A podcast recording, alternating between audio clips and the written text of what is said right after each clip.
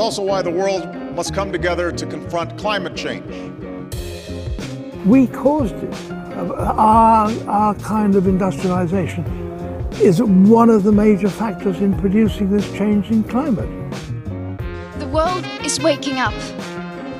And change is coming whether you like it or not. Dit is Klimaatvragen, de podcast van de jongeren van Milieudefensie, waarin we activisten, wetenschappers en jongeren hun hemd van het lijf vragen.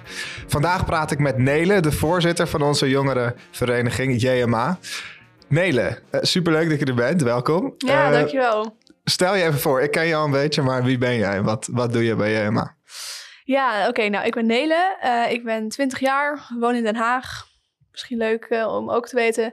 En ik ben dus uh, voorzitter van uh, JMA, de Jongeren Milieu Actief. En dat doe je sinds? Dat doe ik nu sinds september 2021. Dus um, okay. 2022 zou ook raar zijn. maar ja. Cool. En wat houdt dat in, voorzitter van JMA? Ja, nou, het houdt in dat ik um, een beetje bezig ben met eigenlijk alles wat we bij JMA doen. Want dat is een beetje, als voorzitter ben je overal een beetje mee bezig. Ja, het overzicht. Uh, ik hou het overzicht inderdaad. Maar ik ben ook uh, woordvoerder uh, op campagnes bijvoorbeeld. waar we het volgens, volgens, mij zo meteen nog een beetje over gaan hebben. Zeker. en ik heb veel contact ook met Milieudefensie. Ja. Vet. Um, vet. Ja, je noemde het al, de, de campagne. Um, ja, want, want uh, Milieudefensie heeft natuurlijk de Shell-zaak gehad. Daar hebben veel mensen wel van gehoord.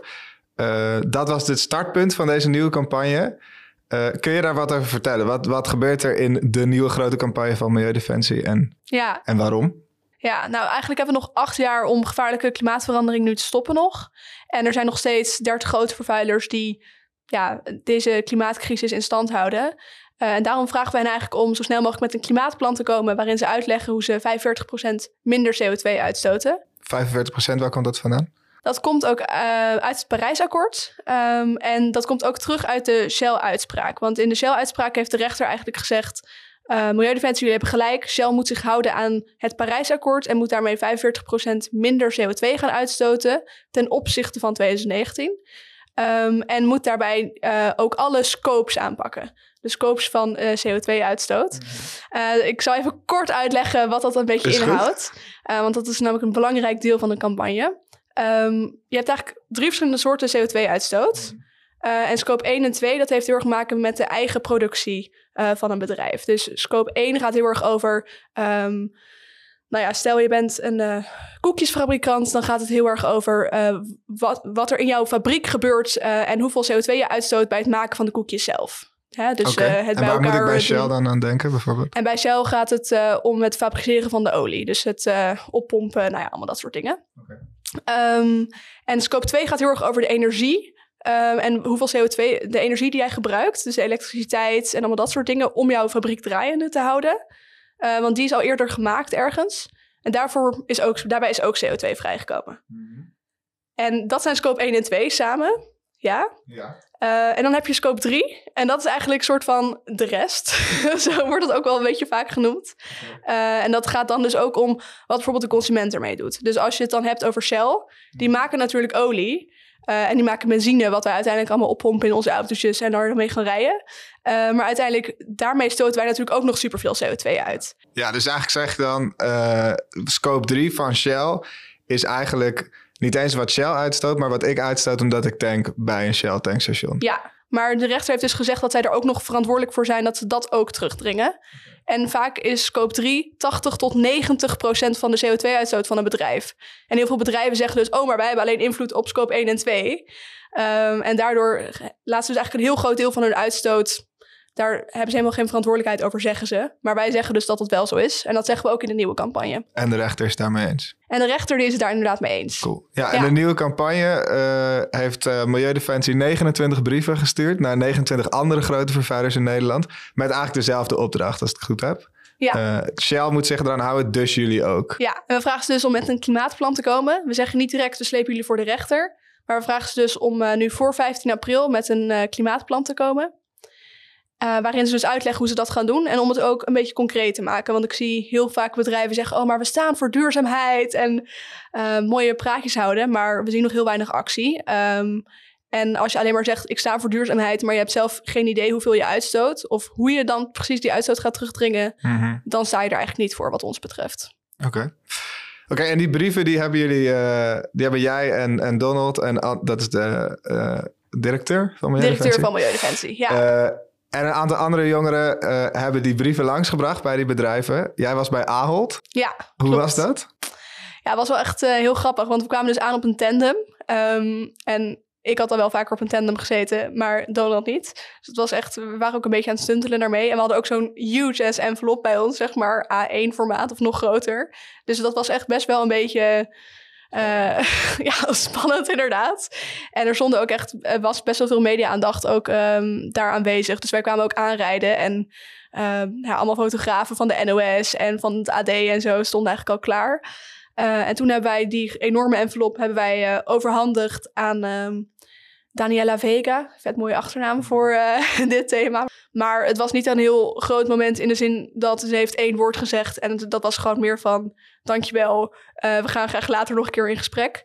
Maar ik snapte dat ook wel op zich. Als er de camera van NOS Journaal op je gericht staat... dan snap ik ook wel dat je dan niet allemaal hele heftige uitspraken wil gaan doen. Dus dat was eigenlijk een vrij korte interactie toen. En eh, morgen gaan we dus echt op gesprek bij Aalt. En dan gaan we dus hopelijk ehm, ook wat meer inhoudelijk erop in. En dan zijn ze wat meer voorbereid als het goed is. Dan weten ze wat ze ongeveer, wat ze ongeveer gaan doen, wat ze willen, wat ze moeten. Ja, nou ja, ik, ik hoop eigenlijk dat ze dat de afgelopen jaren al hebben gedaan. Want het Parijsakkoord is al wel niet van vorig jaar of zo. het komt al uit eh, ja, 2015 of zo. En ehm JMA gaat zich dus daar vooral ook op ri- op richten... omdat er heel veel jonge werknemers ook zijn. En we hopen ook heel erg samen met de werknemers... ehm, te kijken ook hoe we voor hen die toekomst zeker kunnen stellen. Dus we proberen het ook in die zin heel erg uit te, eh, in te steken vanuit jongeren. Want we zijn natuurlijk wel de jongeren van Milieudefensie. Dus dan gaan we willen we wel een beetje campagne voeren... die ook met jongeren te maken heeft. Uh, en we hopen dus heel erg met hen samen um, ook te vragen om wat Ahold doet, ook voor de toekomst van die jonge werknemers. En nou ja, wat we daarvoor gaan doen is, um, ja, daar kan ik nog niet al te veel over vertellen natuurlijk. Dus uh, dat wil ik nog een er beetje. zitten nog geheimpjes in de koker. Ja, er zitten nog wel een beetje aan. geheimpjes in, want we moeten nog wel een beetje kunnen verrassen. Maar uh, verwacht in ieder geval acties uh, en misschien andere dingen. Hou gewoon onze socials in de gaten. Is sowieso altijd een goed idee, volgens mij. En ehm, oké, dus morgen gaan jullie met Ahold in gesprek. Zijn er al andere bedrijven waarvan jullie een reactie hebben gehoord, die iets hebben teruggeschreven of die jullie ontmoet hebben? Ja, bijna, of ja, best wel veel bedrijven hebben eigenlijk gereageerd. En de meeste reageren ook wel uh, positief. Uh, hoewel dat volgens mij uh, in de media wordt dat niet zo afgeschilderd. Maar dat is dus best wel. Eigenlijk iedereen is best wel blij met dat we dit doen. En ook dat we ze zo een beetje kunnen stimuleren. En wij proberen ook heel erg te zeggen van goh, als jullie nou een goed klimaatplan aanleveren, dan zijn we ook de eerste die daar dan over zeggen van wow, goed bezig. En dat zullen we dan ook naar buiten brengen. Dus het is meer gewoon dat wij bieden hen ook een kans om hun plannen te laten doorrekenen. Zo uh, proberen wij het ook een beetje te brengen naar de bedrijven. En eigenlijk um, merken we veel constructieve reacties erop. Oké, okay. dus tot nu toe staat iedereen nog constructief in de, web, in de, in de wedstrijd? Nou, richting ons in ieder geval wel. Kan je dat uitleggen? Waarom, uh, waarom zou ik daar blij mee zijn als bedrijf? Dat, dat ik potentieel word aangeklaagd, dat ik dingen moet gaan veranderen. Terwijl alleen ik en 29 anderen dat moeten. Maar misschien een ander bedrijf, een concurrent ja. van mij, hoeft dat niet. Of die wordt in ieder geval niet ja. door, door. Die heeft, heeft in ieder geval geen campagne van Milieudefensie tegen zich. Ja, dat snap ik. Dat, dat is een goede vraag. Uh, waarom moet een bedrijf daar blij mee zijn? Maar ik denk eigenlijk dat um, twee redenen. Ten eerste denk ik dat het ook de verantwoordelijkheid is voor bedrijven om nu actie te ondernemen. En dat als ze dat niet doen, dat ze er ook gewoon slecht voor staan.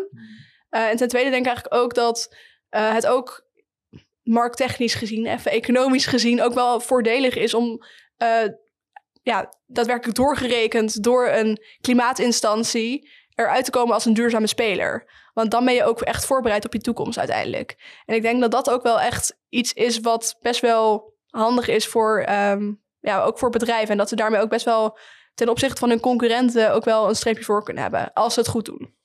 En wat ik me ook nog kan voorstellen, bedenk ik me, is dat, uh, dat vaak uh, kunnen bedrijven op zich misschien best vergroenen, maar als, als dat niet hoeft, dan is het makkelijk om het niet te doen, want je concurrent doet het misschien ook niet. Dus als het op een gegeven moment zal gaan moeten in de wet, misschien denken bedrijven, nou ja, oké, okay, als we met z'n allen doen, kan het wel, want dan doet mijn concurrentie tenminste ook.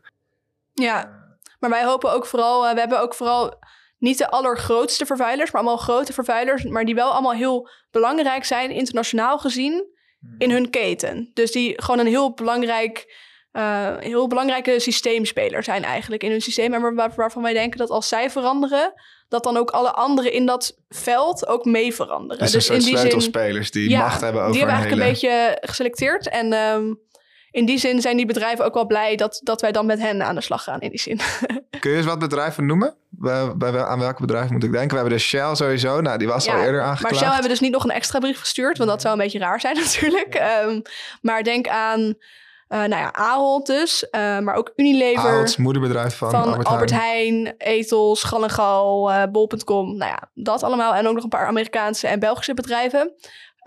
Maar je kan ook denken aan Unilever, Friesland Campina. Dat is nu vooral een beetje de voedselsector. Zij maken melk natuurlijk en zuivel. Maar ook wat meer chemische bedrijven zoals Dow Chemical, Yara. Dat Tata Steel, staat die erop? Tata Steel staat er ook op inderdaad. Maar het zijn over het algemeen... Er zitten een paar bekende bedrijven tussen, maar ook een paar minder bekende bedrijven. Oké, maar in ieder geval sleutelspelers. Allemaal Die als zij aan de sleutelspelers slag gaan, dat er Die dan juridisch hele- aanklaagbaar zijn in Nederland. Dat ook nog. Oh ja. Ja, In de media is er ook gereageerd op deze, op deze plannen. Niet alleen de bedrijven hebben gereageerd, maar er is- heeft veel over in de krant gestaan. Het is eh, bij programma's als op één is het allemaal langsgekomen. Ehm, ja, hoe werd er re- gereageerd in de maatschappij? Ja, het is over het algemeen best wel, ook wel met de sceptische noot die je ook al eerder een beetje hebt geplaatst over moet het nou wel bij de rechter liggen. Eh, dus ze hebben het heel erg geïnterpreteerd als dat het naar de rechter zou moeten, wat niet per se zo is. Maar ik vond het wel interessant, want ik zag ook in het Financieel Dagblad, wat natuurlijk best wel een beetje de krant van de grote bedrijven en financiële instellingen is. Dus wel een beetje ook de doelgroep die we wilden hebben Mhm. met deze campagne. Ehm, daar zag je ook uiteindelijk een artikel verschijnen van iemand die eigenlijk zei van... we moeten allemaal niet zo paniekerig doen als bedrijven... want ehm, wat Milieudefensie wil is juist dat het super groot wordt in de media... want dat is zo'n hele tactiek. En dat vond ik eigenlijk wel heel grappig... want daarin merk je wel dat die bedrijven ook een beetje radeloos zijn of zo. En dat ze Ja. ook wel heel gevoelig zijn om in hun imago geraakt te worden. En dat is ook wat ik later nog een beetje terughoorde... bijvoorbeeld op het gebied van als je kijkt naar Ahold, die hebben nog nooit eigenlijk gehad dat eh, mensen kritisch waren op hun bedrijfsvoering als het gaat om duurzaamheid. Eh, want dat is bij Shell is dat natuurlijk al jarenlang zo, dat mensen daar langskomen en dat die echt zeggen van, hallo, het moet echt veel duurzamer. Mhm. Maar bij Ahold eigenlijk niet. Eh, en ik hoorde ook via via dat bijvoorbeeld ehm, ze vroeger ook een, ehm, ja, iets met plastic, geloof ik, daar is ook een keer een campagne gevoerd daartegen bij Ahold. En toen, toen ze dat ook soort van in de media hebben gebracht, toen is Ahold er ook heel snel mee gestopt. Dus zo zie je wel een soort van dat, dat dus Ahold is gevoelig media... ervoor. Ja, Dus Ahold in ieder geval een goede wel. kans dat Ahold... eh, En ik denk andere bedrijven die ook bekend zijn. Dus ik denk niet een Yara of een Dow Chemical. Die zijn wat minder bekend. Dus ik denk dat die ook wat minder gevoelig ervoor zijn. eh, als, als vanuit hen dan blijkt dat ze een grote vervuiler zijn. Maar bijvoorbeeld een Unilever, een Friesland Campina. Als daarvan eh, bekend wordt dat ze echt heel veel uitstoten. En dat het ook alleen maar slechter wordt in de plannen. Dan denk ik dat ze daar best wel hard op kunnen gaan. Dat ze dan op basis daarvan wel sneller gaan veranderen eigenlijk. Oké. Vooral aan het begin, toen, er, toen die brieven net gestuurd waren, was natuurlijk een groot moment. ehm, waren er veel artikelen en ook waren mensen daar best kritisch op. Ook eh, mensen die het op zich eh, voor hebben met een goed klimaat, die we kennen als progressieve mensen, die toch een beetje dachten: hmm, eh, is dit wel helemaal eh, de rol van de rechter om te bepalen hoe we zulke grote veranderingen in Nederland gaan organiseren? Zou je niet willen dat zoiets van de burger komt of van de politiek? Ehm, hoe denken jullie daarover? Nou, wij willen vooral dat het van de bedrijven komt eigenlijk. Dus niet per se van de rechter. Dus wij vragen ook nu eerst de bedrijven om met een klimaatplan te komen. Ehm, en we willen ook niet per se met 29 mensen een of 29 bedrijven een rechtszaak gaan Ja, maar je kan het, de Milieudefensie dreigt natuurlijk indirect een beetje met de, met de rechtszaak van, van Shell. Ja, maar we hopen uiteindelijk niet dat het daartoe hoeft te komen. Wij geloven er wel in dat die, dat die bedrijven zelf ook een verantwoordelijkheid hebben. Want dat klimaatakkoord komt niet van gisteren. Dat komt al uit 2015. Eh, en we hebben gewoon niet heel veel tijd meer. Dus we vertrouwen er eigenlijk ook op dat die bedrijven zelf ook die verantwoordelijkheid voelen om te veranderen. En dat daarbij de rechter niet eh, van te pas hoeft te komen. Nee, en zo niet. Dan zou het kunnen dat Ja. we toch naar de rechter Ehm, gaan. ja, kan ik zeggen dat het meer een soort noodoplossing is? Dat het, we hebben nog maar acht jaar voor die 2030. Eh, en vanuit de politiek, ik ben er niet heel enthousiast over wat er, wat er, voor, Nee. wat er voor plannen liggen. Nou ja, het is natuurlijk wel inderdaad. We hebben nog maar acht jaar. Eh, wetenschappers slaan al jaren aan de bel. En het wordt eigenlijk met de nieuwste IPCC-rapporten, dat eh, klimaatpanel van de Verenigde Naties, wordt het er allemaal niet vrolijker op. Het wordt eigenlijk allemaal steeds pessimistischer over de toekomst. Dus inderdaad, we proberen nu gewoon via zoveel verschillende manieren uh, om uiteindelijk dat doel te gaan bereiken. Shell is inmiddels een Engels bedrijf. Dat heeft ze, dat heeft zijn Nederlandse deel opgezegd, of in ieder geval naar Engeland verplaatst. Um, dat werpt de vraag op: jagen we bedrijven niet gewoon weg als we in Nederland hele strenge milieuwetgeving hebben? Of niet wetgeving, maar als we dit soort campagnes in Nederland heel streng doen, maar dat in het buitenland niet zo is. Dat jagen we dan niet gewoon die vervuilers weg? Of bijvoorbeeld Tata Steel is een relatief uh, groene uh, of een relatief niet vervuilende staalproducent, vergeleken met bijvoorbeeld bedrijven in China. Um, moeten we dan hier wel zeggen, ja, Tata Steel, uh, het moet strenger, het moet strenger, het moet strenger. Uh, en met het risico dat zij failliet gaan of naar het buitenland gaan en dat we met nog gordere bedrijven zitten. Met nog gordere bedrijven in Nederland of waar bedoel in je dan? In de wereld. Oké. Okay. Wij, moeten, we hebben toch staal nog nodig de komende tijd. Dus we gaan het ergens kopen. Kopen we het dan niet liever van een Nederlands bedrijf wat soort van groen is, dan van een Chinees bedrijf wat niet groen is? Ja, ik snap je vraag. Uh, maar ik denk eigenlijk dat we daar um, nou ja, niet heel bang voor hoeven te zijn. In de zin dat we hebben in Nederland, volgens mij zijn we nog steeds een belastingparadijs. En is het uh, een vrij optimaal scenario voor heel veel bedrijven om wel hier te zijn. Um, hoewel ik ook hoop dat daar enigszins verandering in komt in het belastingparadijsgedeelte. Um, en ja, uiteindelijk moet de hele wereld veranderen. Hè? En het is dat wij als Milieudefensie alleen maar in Nederland hier invloed in hebben. Maar we hebben ook How We Defeated Shell daar een soort handleiding van gepubliceerd. En aan allemaal andere milieuorganisaties ook in het buitenland gegeven. Um, dus in principe hopen wij vooral ook een beetje te inspireren. Ja. En wij vertrouwen er dus ook nog steeds op dat bedrijven ook willen veranderen. En dat het ook voor hen echt noodzakelijk is om te veranderen. Om überhaupt ook voor zichzelf een duurzame toekomst in de zin dat hun bedrijf blijft voortbestaan. Het is zo essentieel voor hen ook om in die zin ook die transitie te maken. Dus daarom denk ik eigenlijk niet dat dat gevaar heel groot is. Nee, nee maar je zegt, ja, je zegt dus we willen inspireren. We willen dat dit ook misschien in het buitenland gaat gebeuren. Of in ieder geval dat uiteindelijk de hele wereld verandert. En als wij niet beginnen, wie gaat er dan beginnen? Precies, ja. Als ik dan, als ik aan Ahold denk, dan denk ik inderdaad ook niet aan een Shell of aan een Tata Steel of een, een supergroot chemisch bedrijf. Um, wat, wat zijn nou de echt grote dingen die, die Ahold kan veranderen? Wat, eh, of in, als, ik, als ik denk aan de Albert Heijn of bol.com, bij bol.com kan ik me met pakketbezorging nogal wat voorstellen. Maar wat kan een supermarkt nou eigenlijk doen? Ja, dat is een goede vraag. En dat zit ook weer vooral in scope 3. Uh, dus dat, uh, remember nog even het verhaal van helemaal aan het begin van de podcast. Ik weet het nog. Uh, scope 3 is alles wat dus niet de eigen productie of de eigen energieleveranciers is. En dan gaat het dus niet om de koelingen in zo'n supermarkt. Maar dan gaat het echt om de speler die Albert Heijn is in hoeveelheid producten die zij inkopen. Dus denk aan bijvoorbeeld zo'n banaan. Hoe is die geproduceerd? Waar komt die vandaan? Waarmee wordt dat vervoerd? En wat gebeurt er ook daarna uiteindelijk met bijvoorbeeld verpakkingen van koekjes bij afvalverwerkers en allemaal dat soort dingen. Zeg maar, daar heeft Albert Heijn omdat zij dus daar allemaal een soort van al die producten inkopen Mhm. en onderhandelen met al die mensen die dan aan hen producten leveren, hebben ze daarin ook wel een impact. Omdat zij tegen hen kunnen zeggen van... goh, wij willen alleen nog maar met duurzame mensen samenwerken. Dus als je iets aan ons wil leveren, fix je maar dat je duurzaam bent. Ja. En in die zin kunnen zij echt een grote slag staan. En ik geloof dat scope 3 is bij Ahold ook echt... Nou ja, iets van 30 keer groter of zo dan scope 1 en 2 bij elkaar. Dus um, ja, daar moet gewoon uh, flink wat veranderen. Duidelijk. Dit betekent niet dat je als consument niet meer naar de Albert Heijn mag. Ik denk dat Milieudefensie Nee, heel oh, erg ja. probeert uit te, op te passen dat we niet voor dat heet dan consumentenactivisme gaan. Dat we gaan zeggen: je mag niet meer vliegen, je mag niet meer naar de Albert Heijn, je mag niet meer dit. Uh, hoe ga je dat? Ik kan me bij Shell dat goed voorstellen, want Shell heeft zelf, is zelf best een, een vies vervuilend bedrijf. Bij Albert Heijn ligt het misschien ook heel erg in consumenten die gewoon een bepaald product le- willen. Ja. Albert Heijn levert, dat, dat zegt Shell natuurlijk ook. Maar in het geval van een supermarkt ja, komt dat toch wat dichterbij, denk ik, bij mensen. Hoe Ja. gaan jullie ervoor zorgen dat het wel echt is... eh, dat, niet, dat niet, als je dat niet kan betalen, dat je daar per se naar de Ecoplaza moet. Maar dat je Ja. alsnog gewoon naar de Albert Heijn gaat. En dat het de verantwoordelijkheid is van de Albert Heijn om er iets aan te doen. En niet van, ja. niet van de klant. Ik ben heel blij dat je dit nog aanstipt, want deze hele campagne komt voort uit het idee van klimaatrechtvaardigheid. En dat houdt in dat de grote vervuiler betaalt en niet de mensen met de kleine portemonnee. Mhm. In dit geval dus dan het bedrijf ook. Ehm, en ik denk bij een AOD moeten we ook er gewoon aan denken dat ehm, stel je wil plasticvrij leven, hè? of je wil alleen maar duurzaam kopen, dan is het niet alleen dan kan je natuurlijk naar de Ecoplaza gaan. Maar zoals je al zei, dat is echt super duur om daar naartoe te gaan. Dat kan lang niet iedereen betalen.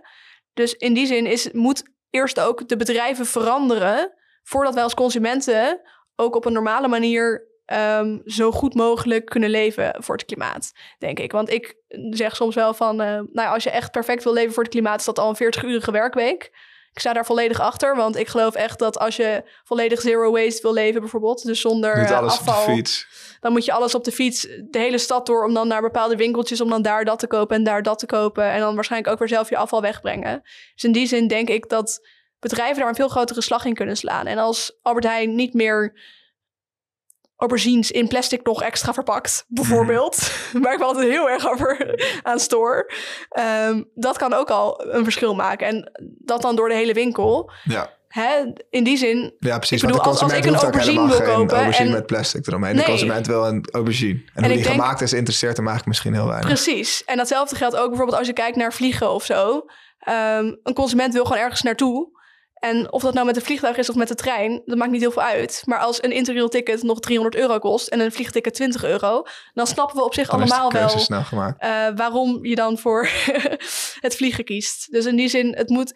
Ik vind niet dat. ehm, weet je, je hebt gewoon heel veel mensen die een beetje neoliberalisme aanhangen. Die zeggen van we moeten eerst wachten tot eh, de consument verandert. En daarmee verandert de markt wel mee. Mhm. Ik geloof daar niet zo in. Ik denk dat, dat, dat de markt gewoon niet is aangepast op eh, de behoeften van een consument in die zin. Of gewoon dat veel te traag gaat.